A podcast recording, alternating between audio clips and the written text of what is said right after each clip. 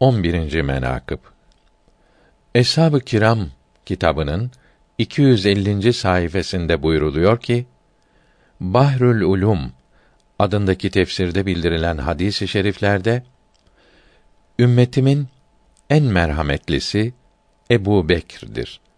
Dinde en kuvvetli olan Ömer'dir. Hayası en çok olan Osman'dır. İslamiyette her suali cevaplandıran Ali'dir. Helal ve haram olanları en iyi bilen Muaz'dır. Kur'an-ı Kerim'i en güzel okuyan Ubey bin Kâb'dır.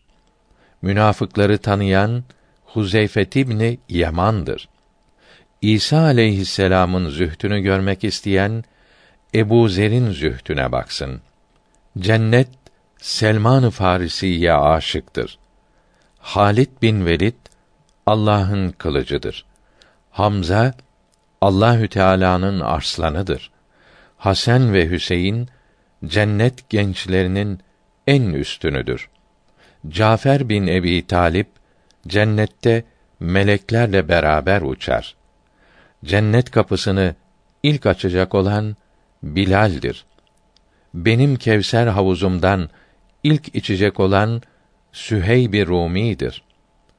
Kıyamet günü melekler ilk önce Ebu Derda ile müsafeha eder. Her peygamberin bir arkadaşı vardır. Benim arkadaşım Sa'd bin Muaz'dır. Her peygamberin eshabından seçtikleri vardır. Benim seçtiklerim Talha ve Zübeyir'dir. Her peygamberin mahrem işlerini gören yardımcısı vardır. Benim yardımcım Enes bin Malik'tir. Her ümmette hakim vardır.